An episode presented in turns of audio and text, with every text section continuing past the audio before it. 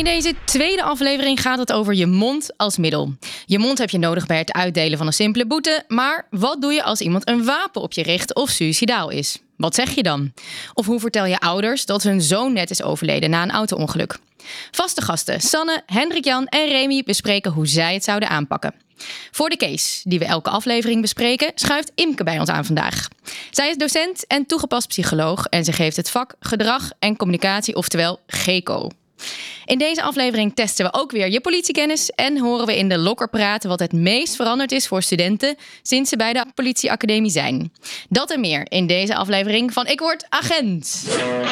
Hendrik Jan, Sanne en Remy zijn eerstejaars op de politieacademie. In deze podcast vertellen ze het eerlijke verhaal. Soms met en soms zonder de sirenes en de zwaailichten. Wat moet je allemaal kunnen? Hoe voelt het om geweld te gebruiken? En wat doet dat met je als mens? Hoe gaat het er echt aan toe op de politieacademie? Dit is Ik Word Agent. Presentatie Lotte Sluiter.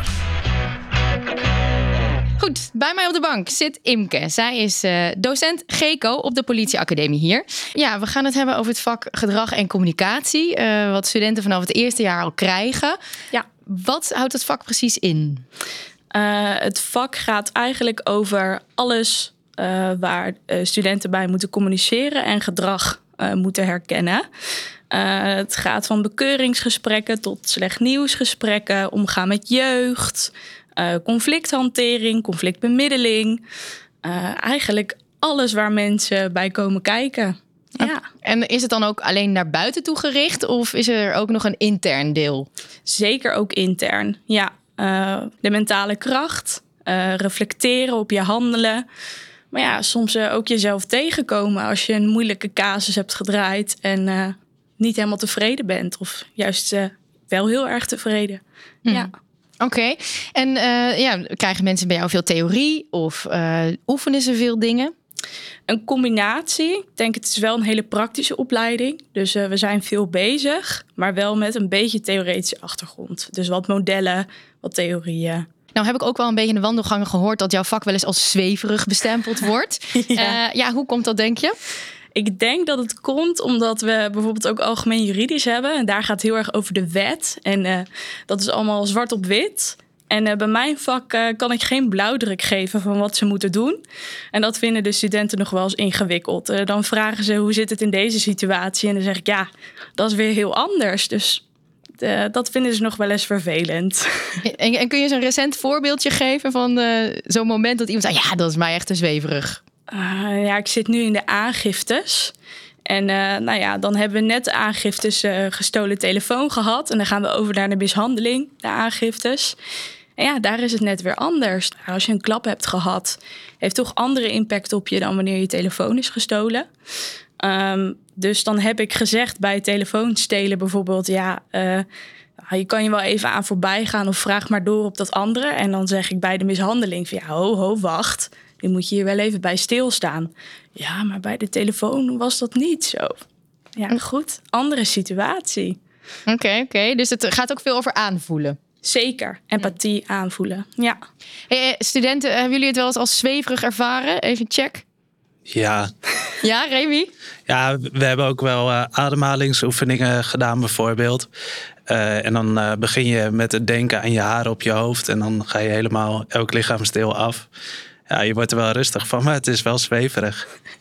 Oké, okay. iets te zweverig voor jou. Uh, ja, eigenlijk wel. Ja. en andere studenten, jullie zitten een beetje te lachen hier, ik hoor het wel. Ja, ja nou, ik moet zeggen dat ik, wel, uh, dat ik daar wel, uh, wel baat bij heb. Als ik naar een casus rijd waar, waar, waar je denkt van nou, hier kan ik wel eens wat tegenkomen bijvoorbeeld. Of als je in het onderwijs zelf denkt van nou, dit is toch wel spannend dat ik hier nu moet gaan optreden. Dat je dan even bewust bezig bent waar je nu staat, zeg maar. Het is een beetje mindfulness-achtig volgens mij. En daar lijkt het een beetje op. En uh, ik moet zeggen dat ik daar wel, uh, wel minder stress dan van ervaar. Ja. dat ik uh, daar niet op ga letten. Dus ik heb daar wel profijt van. Jij gaat er wel goed op. Oké. Okay. Ja. Zit er nog ergens anders weerstand, Sanne? Nou, ik moet zeggen, zoals Remy net al aangaf, dat we een keertje nou, van top tot teen zeg maar alle lichaamsdelen belang zijn gaan. Het moet je liggen of je, het ligt je niet. Ik zat daar en dan kijk ik er omheen en sommige zie je er helemaal lekker in zitten. Ik zat echt zo van ja, zijn we er klaar? en ja. zoek jij dan bewust die weerstand ook op bij de studenten? Ja, dat is eigenlijk ook wel een beetje wat mijn vak inhoudt.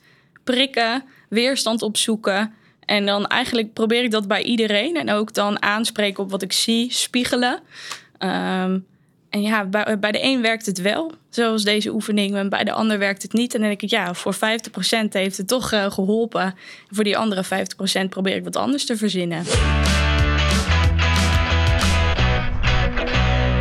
Goed, uh, tijd om door te gaan naar de case. Uh, want we vragen elke docent elke aflevering om een case voor te bereiden. En uh, die gaan we dan met z'n drietjes, of mogen jullie met z'n drietjes, mogen die een beetje zo gaan oplossen en uitpluizen. Um, Imke, jij hebt er vandaag eentje meegenomen, rechtstreeks uit de politiepraktijk. Kun je hem eens voorlezen voor ons? Zeker. Um, afgelopen zaterdag is vlakbij Holwert een zwarte Seat Ibiza tegen een boom gereden. De inzittenden waren Stef Joukens en Ingmar de Boer. Stef was de bestuurder van de auto en is op slag overleden aan hoofdletsel. Ingmar, de bijrijder, is in kritieke toestand naar het ziekenhuis vervoerd. De ouders van Stef zijn Peter Joukens en vrouwtje Joukens Postma. Stef had zijn rijbewijs bij zich en droeg een zilveren ring om zijn rechter ringvinger. Jullie moeten het slechte nieuws gaan brengen aan de ouders. Hoe pak je het aan? Oké, okay, dankjewel Imke. Um, ja, wij gaan het verder bespreken. Imke, mag ik jou vragen om de ruimte te verlaten? Ja. Je kan natuurlijk wel een beetje meeluisteren op de achtergrond, uh, zodat je dadelijk kan zeggen of ze het wel of niet goed gedaan hebben. Uh, en deze casus uh, berust trouwens op een waar gebeurd verhaal, maar de details zijn natuurlijk gewijzigd vanwege privacyredenen. Dus ik ben heel benieuwd hoe jullie het ervan af gaan brengen. Hendrik, Jan, Sanne en Remy, voordat we van wal steken, heeft een van jullie al wel eens een slecht nieuwsgesprek meegemaakt in een van deze eerste praktijkdagen die jullie hebben gehad? Nee. Nee, nee, nee. nog niet. Oké, dus het is allemaal nog fictief in ieder geval in dit geval.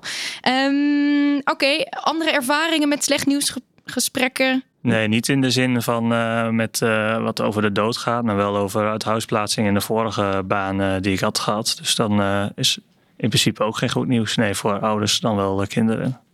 Ja, precies. Dus dan heb je wel ergens iets van dat soort moeilijke gesprekken moeten voeren. Ja. Zou je ook zeggen dat jou dan beter ligt? Uh, nee, dat durf ik niet te zeggen. Nee, nee, nee dat, ik denk niet dat, dat, uh, dat daar een speciaal opleiding voor is dat je dat beter kan dan een ander. Dat is ook een soort, wat je zei, gevoel net al. Ja. Dan moet je hier ook bij hebben of je daarop in kan spelen of niet. Ja. Oké, okay, goed. Ja, de case. Uh, Zo'n melding komt binnen. Uh, ja, wat gaat er dan door je heen, Remy? Uh, ja, heftig. Je, ja, je moet best uh, slecht nieuws uh, gaan brengen. Uh, en ik denk dat het dan belangrijk is dat je in ieder geval alle informatie goed en helder voor jezelf hebt. Ja, en heb je die nu voldoende uit die case kunnen halen om, om daar aan te bellen? Nou, bijvoorbeeld een van de slachtoffers die had een rijbewijs mee. Dus daarvan weet je de identiteit. Maar van die andere ja, is het ook wel handig om 100% zeker te hebben dat dat de persoon is die we denken dat het is. Ja, dus dan zou je toch eerst wat meer informatie uitvragen of je dossier beter ja, zeker. Krijgen. Ja, en dan, ja, Sanne, je gaat natuurlijk altijd op pad met een collega. Mm -hmm. Je staat daar voor de deur. Wat bespreek je nog voordat je naar zo'n deur toe loopt? Uh, nou, allereerst denk ik nog even weer alle informatie doornemen. Dat je wel alles goed hebt. Dat zit ook in die kleine dingen, zoals uh, nou, de een had bijvoorbeeld een zilveren ring om. Maar al dat soort kleine dingetjes, die kunnen je straks tijdens het gesprek helpen. Om, uh, ja, misschien gaan zij wel aan de weerstand van, gewoon, misschien is het wel niet mijn zoon, misschien is het wel die of die. Zodat je elke keer wel weer een stukje bewijslast kunt geven. Uh, dus dat is heel belangrijk. Ja, en van tevoren gewoon goed afspreken wie het woord doet eerst, zodat je allebei weet waar je aan toe bent. En, ja. ja. En hoe beslis je wie het woord doet? Ja, ik denk wie op dat moment het lekkerst in zijn vel zit. Die, ja, Hey, en Hendrik Jan, uh, je hebt dan bijvoorbeeld besproken, hè? wie doet het woord? Wat is de taakverdeling als je, als je dan aan de deur staat, je belt aan en dan?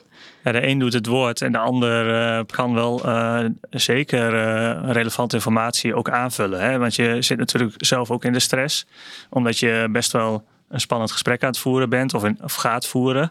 En dan ontschiet je ook wel eens wat informatie. En dat is wel zeker wel relevant wat Sanne ook zei. De een had een zilveren ring om en had de rijbewijs ook daadwerkelijk op zak. Maar ook uiterlijke kenmerken spelen ook een rol. Je moet mensen kunnen overtuigen van dat het bij wijze van een zoon is die dan ook daadwerkelijk is overleden. Hè? Mensen kunnen in ontkenning gaan.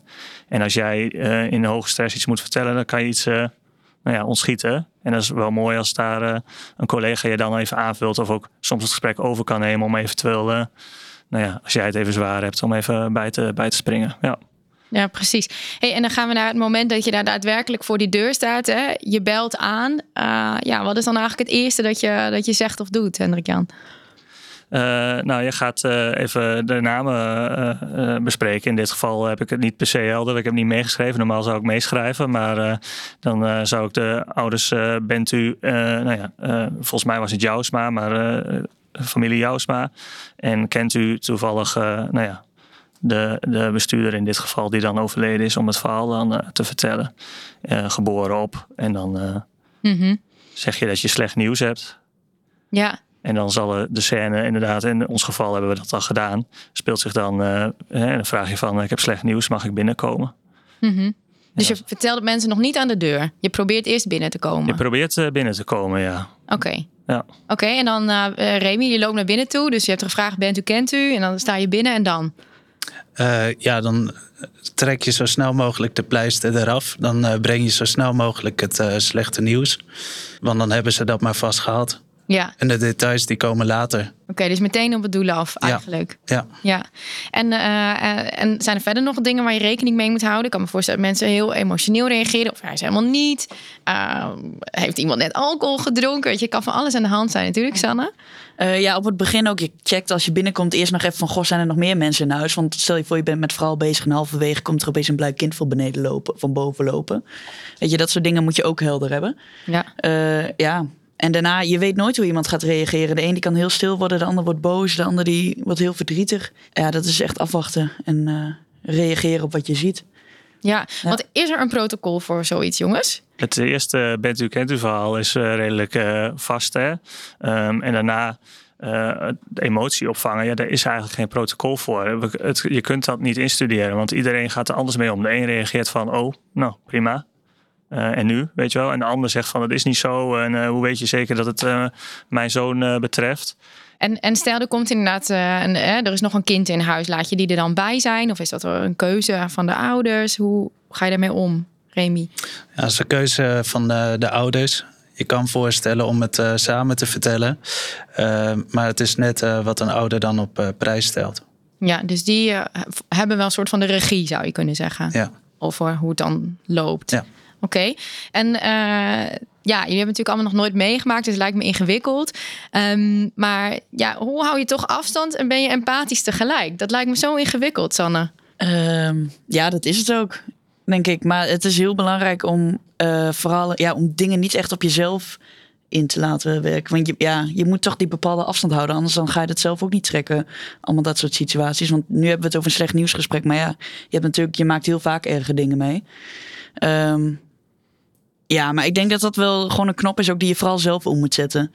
Mm Dus gewoon niet te veel binnen laten komen, maar wel, ja, je leert hier ook wel heel veel om in de gesprekken ook gewoon je empathisch op te stellen en toch even van, goh, hè, uh, kan niet voorstellen hoe jij je voelt, maar nou, dat soort reflecties wel ook te geven. Ja, precies. Oké. En, en stel, hè, mensen zijn bijvoorbeeld heel cool. Ze blijven heel kampjes of ze willen toch niet echt geloven. Ja, wat doe je dan? Jullie zeggen al van we hebben allerlei bewijsmateriaal, dat kun je blijven opvoeren. Maar wat als iemand eigenlijk niet reageert? Kun je dan weg, Hendrik Jan? Uh, nee, want je moet uh, erbij blijven totdat uh, hè, je hebt een soort zorg waar je in zit. En het gaat ook om, om dat, dat, dat de zoon geïdentificeerd wordt door dan wel ouders of verzorgenden. En ja, dat, tot dat moment blijf je erbij. Dus je gaat mee naar, hè, zoon zal in dat geval naar het mortuarium gaan voor onderzoek. En daar ook, nou ja, dan zouden ouders daar ook de identificatie moeten gaan doen. En daar tot dat moment ben je erbij. En daar heb je ook zorg, draag je ook zorg. Hey, en mag je ook troosten? Kun je iemand een arm uh, om de schouder slaan, zeg maar? Remy? Ja, dat eh, moet je per casus moet je dat, uh, dat beslissen. Ja. daar is geen goed of fout in. Nee, dus nee. dat is echt een kwestie van aanvoelen. Ja, en, uh, ja, ja. Oké. Okay. Um, ja, en, en wat nou als iemand boos of agressief wordt of zo in zo'n situatie? Dat lijkt me ook heel ingewikkeld. Want je hebt iemand natuurlijk net vreselijk nieuws gebracht. Ja, spring je er dan gelijk bovenop? Wat doe je? Nee, ook dat is een emotie. En ook daar moet je gewoon goed op inspelen. En uh, vooral niet laten weten dat die emotie verkeerd is. Want er is geen emotie verkeerd. Iedereen die zal re anders reageren. Dus ik denk gewoon, ja, vooral nagaan van goh, waarom diegene zich zo voelt. En uh, probeer hem daarmee uit te krijgen. Ja, maar dat is natuurlijk nog steeds heel erg op een gesprek. Maar stel dat mm -hmm. iemand echt agressief wordt. Hè? Dat iemand begint. We hebben hier een Berenburg fles daar. Stel, oh, die gaat stuk ja. tegen de muur. Of uh, ja, ze willen het gewoon niet geloven. Of ze komen op je af. Wat, hoe ga je daarmee om? Nou, veiligheid boven alles natuurlijk. Ik bedoel, op een gegeven moment dan ga je te ver en dan zul je wel uh, harder moeten optreden om dat geweld tegen te gaan. Ja. ja, en wat is dan geoorloofd? Ja. Je bleef heel stil even. Ja, ja, ja, ik moet zeggen dat ik dat ook wel lastig vind om op, uh, op te antwoorden. Want het is natuurlijk een emotie en die moet uh, in principe ook de vrije loop wel krijgen. Ja. Ik denk dat dan de kracht ligt in wat Sanne al zei. Uh, ook gewoon benoemen van... Hey, ik merk dat je heel erg veel boosheid hebt en dat je dat op mij afreageert. Ehm, wat kunnen we eraan doen om dat een beetje weg te nemen? Dus dat je de emotie benoemt. Ja, en dan komen de gesprekstechnieken van GECO toch weer uh, om de hoek kijken. Om daar een beetje in af te, iemand in af te schalen. En dat is natuurlijk heel lastig. Um, nou ja, jullie zeiden al, hè, de afrondende fase is eigenlijk dat je iemand meeneemt naar het mortuarium. Uh, laat je ook iets van contactgegevens achter? Gebeurt dat wel eens? Zou je dat doen, Sanne? Uh, ja, natuurlijk. Je kunt altijd uh, politie, uh, telefoonnummer dergelijke geven. Het is toch een, het is wel begrijpelijk dat iemand dan met diegene wil praten, niet met een andere politieagent als er later nog iets is. Mm -hmm. Omdat je er toch bij bent geweest.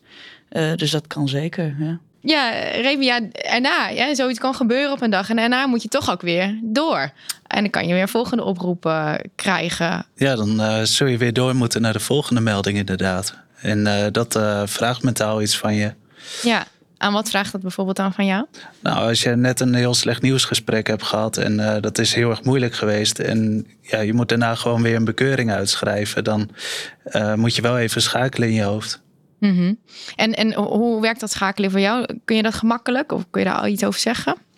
Ja, dat denk ik wel. Ik denk dat je daar uh, ook op geselecteerd wordt. Of je een beetje uh, psychisch snel kan schakelen. Maar ja, het is niet vanzelfsprekend natuurlijk. Uh, soms zul je dus een van die uh, dingen van de imke moeten doen om toch eventjes je gedachten te verzetten.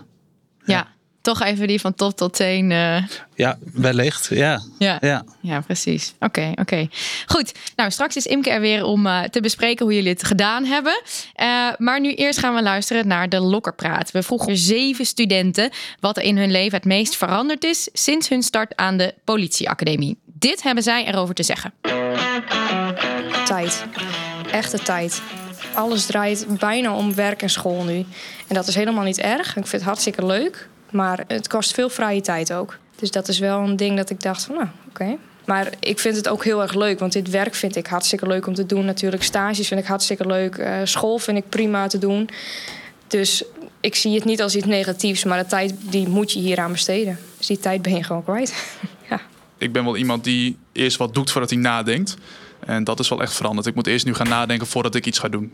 Ja, je leeft natuurlijk nu in een glazen huis. Dat is wel hetgene wat ze allemaal zeggen. Nee, goed, je werkt natuurlijk bij de politie. Dat weet uh, op een gegeven moment uh, nou, iedereen. Ja, dan kan ik niet meer uh, zonder autogordel gaan rijden, bij wijze van spreken. Of mijn telefoon in de handen houden tijdens het rijden. Nou, dat deed je sowieso niet. Maar ja, goed, nu helemaal niet meer. Ja, dus dat is het glazen huis. Iedereen ziet wat je doet.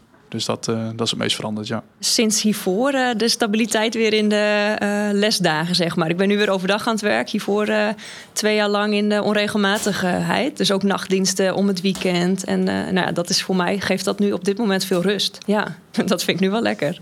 Mensen onderschatten hoeveel zo'n opleiding met je doet. En dat is hoe je je persoonlijk ontwikkelt. Het gaat super snel. De opleiding is twee jaar.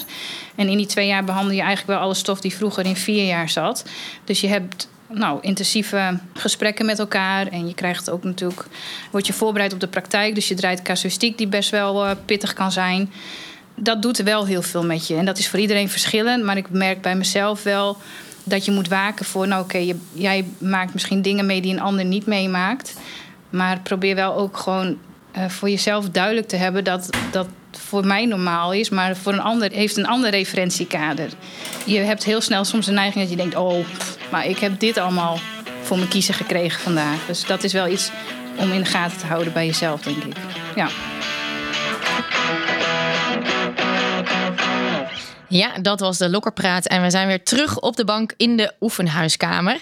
Nou, inmiddels is uh, Imke ook weer aangeschoven hier in de woonkamer. Uh, ja, we zijn natuurlijk heel benieuwd hoe die studenten ervan afgebracht hebben. Wat, uh, wat hebben ze goed gedaan? Laten we daarmee beginnen. Nou, heel veel hoor. Um, ik hoor jullie ook over doel-aanpakanalyse. Dat is voordat je uh, dat je in de auto zit voordat je aanbelt, als het ware. Daar hebben jullie het ook over de weerstand die naar voren kan komen. Uh, mensen die het niet willen geloven, denken jullie over na je ook? Wie gaat het doen? Hè, wie, uh, wie voelt zich oké en wie, uh, wie kan het dragen? Um, jullie hebben het ook over het bent u kent u, Hendrik Jan, hoorde ik jou zeggen. Eigenlijk hebben we het in twee delen opgedeeld. Het bent u kent u en daarna dus inderdaad die emotie opvangen. Um, dus dat ging ook goed. Um, en het directe pleister eraf trekken, Remy, ook heel goed. Want ja, waarom eigenlijk? Maar daar komen we zo meteen denk ik nog wel op. Um, het meer mensen in huis van Sanne. Hè? Uh, omgeving uh, analyseren. Wat gebeurt allemaal? Wat kan gevaar zijn? Um, en ook wat is voor mij een veilige plek om te staan? En ook dat er geen protocol is voor die emotie. Dus uh, dat het bij iedereen anders is. En dat je eigenlijk niet weet wat er op je afkomt. En dat je daarom toch een beetje zo'n knop op moet gaan zetten. En uh, de gevoelsreflecties komen voorbij. Daar word ik heel erg blij van. Want uh, daar hebben we hard op uh, gewerkt met z'n allen. Ik heb jullie natuurlijk ook de slecht nieuwsgesprekken gegeven. Ik heb jullie die lessen gegeven. Dus mooi om dat terug te horen. En dat er geen goed of fout is. Qua emoties vond ik een hele mooie van Sanne.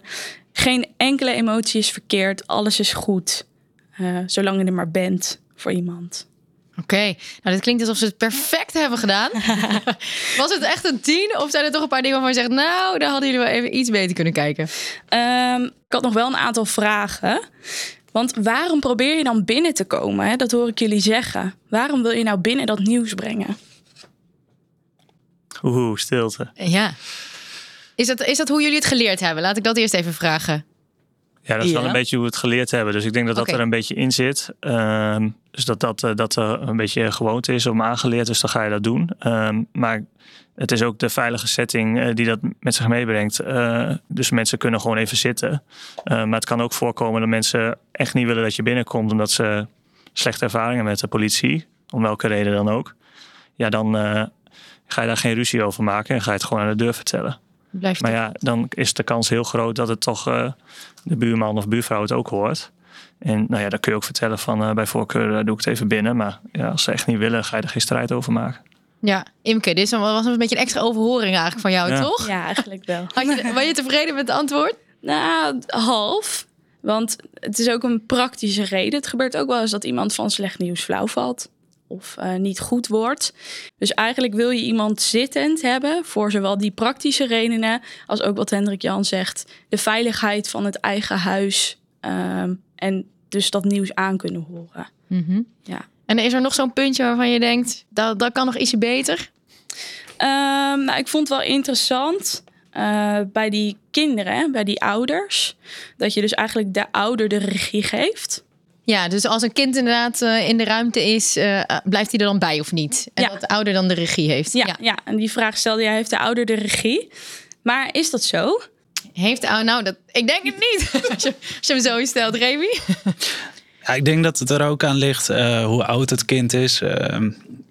Ja, dus vandaar dat ik, dat ik er niet echt een hard antwoord op heb. Maar... -hmm, heel goed, geen hard antwoord. Er is geen richtlijn in. En dat maakt het, uh, net zoals wat meer onderwerpen, best ingewikkeld. Hè? Welke keuze maak je? Maar daarom ook de vraag. Want eigenlijk het enige wat we kunnen doen bij de politie is informatie geven. Zodat iemand zelf de juiste keuze kan maken voor hem of haar op dat moment. Hè? Want eigenlijk hebben, als het goed is, hebben jullie nog steeds de regie op dat moment. Ja, dus je geeft er niet helemaal uit handen. Nee. Dat is wat je zegt. Hey, en uh, je zei net zelf al even in je eigen introductie. Ja, uh, waarom moet je eigenlijk meteen die pleister eraf trekken? Want misschien dat je privé wel iets meer een omweg zou nemen met, zo, met echt een slecht nieuws. Ja, dit is natuurlijk wel uitzonderlijk slecht nieuws. Maar hm. um, ja, waarom dan meteen die pleister eraf? Uh, nou, de reden dat je direct die pleister eraf trekt, is omdat, en het klinkt heel cru, maar je wil eigenlijk de hoop wegnemen bij iemand. Je wil uh, overbrengen dat het echt uh, de persoon is, uh, hun familie of hun dierbare. Daardoor kan je gelijk door naar de emotie die loskomt. Want als je dat uitstelt, wordt het alleen maar moeilijker en moeilijker. Er zijn ook mensen die het bijvoorbeeld gaan hebben over... oh ja, dat heb ik ook een keer in Flikken Maastricht gezien. En komen jullie dan voor een buurtonderzoek? En goh, wat is er dan aan de hand? Dat wil je voorkomen. Je wil echt daar de regie pakken, de hoop wegnemen... en helpen waar je kunt, die emotie opvangen. Hm. Oké. Okay. Hey, Remy, vind je dat je eigenlijk goed wordt voorbereid op zo'n slecht nieuwsgesprek in de opleiding? Nou, het is allemaal wel heel erg kort behandeld uh, voor zoiets heftigs, vind ik. Ik uh, heb uh, zelf één keertje dan dat bent u, kent u gedaan en de emotie opvangen. Maar ik denk ja, dat, dat ik daar in totaal vijf minuten mee bezig ben geweest. Dat had wat mij betreft wel langer kunnen zijn. Ja, dus je had wel meer willen oefenen. Sanne? Ja, ja nou, ik heb dus wel helemaal een slecht nieuwsgesprek kunnen doen. Dus voor mij ligt het dan weer iets anders. Maar ja, dat was dus de helft van de studenten bij ons in de groep. En dan qua tijd zit je op een gegeven moment gewoon uh, ook heel krap. Maar ik begrijp wel wat Remy zegt, dat het voor hem dan uh, te kort is. Ja. Mm -hmm. Oké. Okay. Hey, en uh, Sanne, zijn er nog dingen die je bent tegengekomen in GECO die je heel lastig vond? Um, nou, zoals Imco ook al zei, het is iedere keer weer anders. En je kunt modelletjes bespreken. Maar ja, wat de ene keer werkt, werkt de andere keer weer niet. Zo heb ik ook wel eens hier buiten gestaan met een verward persoon. Ja, en dan de ene keer zegt van, oh, je moet zo en zo uh, kun je een beetje binnendringen bij diegene. Maar de andere keer werkt dat weer totaal niet. Dus ja, dat blijft gewoon altijd lastig. Je moet het heel goed aanvoelen en ik denk ook heel veel ervaring op doen. Ja, ja die ervaring, daar zit het hem in. En voor jou, Remy? Uh, nou, ik heb een hele monotone stem. En dat helpt soms wel uh, om mensen rustig te krijgen. maar soms ook niet. Dan werkt het juist heel erg contra. Want ja, interesseert het je wel of uh, voel je de emotie wel? En ja, dat is voor mij lastig. Het is een gegeven, mijn stem. Uh, maar ja, dan moet je ook leren om hem te gebruiken. Als je wil dat iemand een mes laat vallen, dat je niet joh, laat dat mes vallen. Maar dat je echt even schreeuwt, bijvoorbeeld. En ik kan me voorstellen dat je allerlei verschillende soorten studenten zo in je lessen hebt. Wat is jouw uitdaging als docent met zo'n diverse groep studenten? Um, eigenlijk is mijn uitdaging en ook mijn doel om bij iedere student die voelsprieten. Dus uh, iedereen heeft wel een bepaalde manier van kijken en die voelt wel dingen aan. Uh, om die te ontwikkelen. Dus te leren hoe je gedrag kunt analyseren en daar het best zelf op kunt handelen. En dat is voor iedereen verschillend. Dus uh, met een wat meer monotone stem zul je daar toch aan moeten werken. Als je, uh, zoals Hendrik Jan, de gesprekstechniek al onder controle hebt, dan is het meer een uitdaging. Goh, hoe sta ik in dit uniform en uh, wie ben ik in dit uniform? Dus eigenlijk heeft iedereen zijn eigen uitdagingen. En maar ja, mijn doel is bij iedereen hetzelfde ja. ontwikkelen tot de beste politieagent die ze kunnen zijn. Nou, mooi. hey, en je zei, GECO hè, is meer dan alleen slecht nieuwsgesprekken in het begin. Het gaat ook over andere onderwerpen, uh, zoals bijvoorbeeld zelfreflectie of omgaan met rouw en verlies.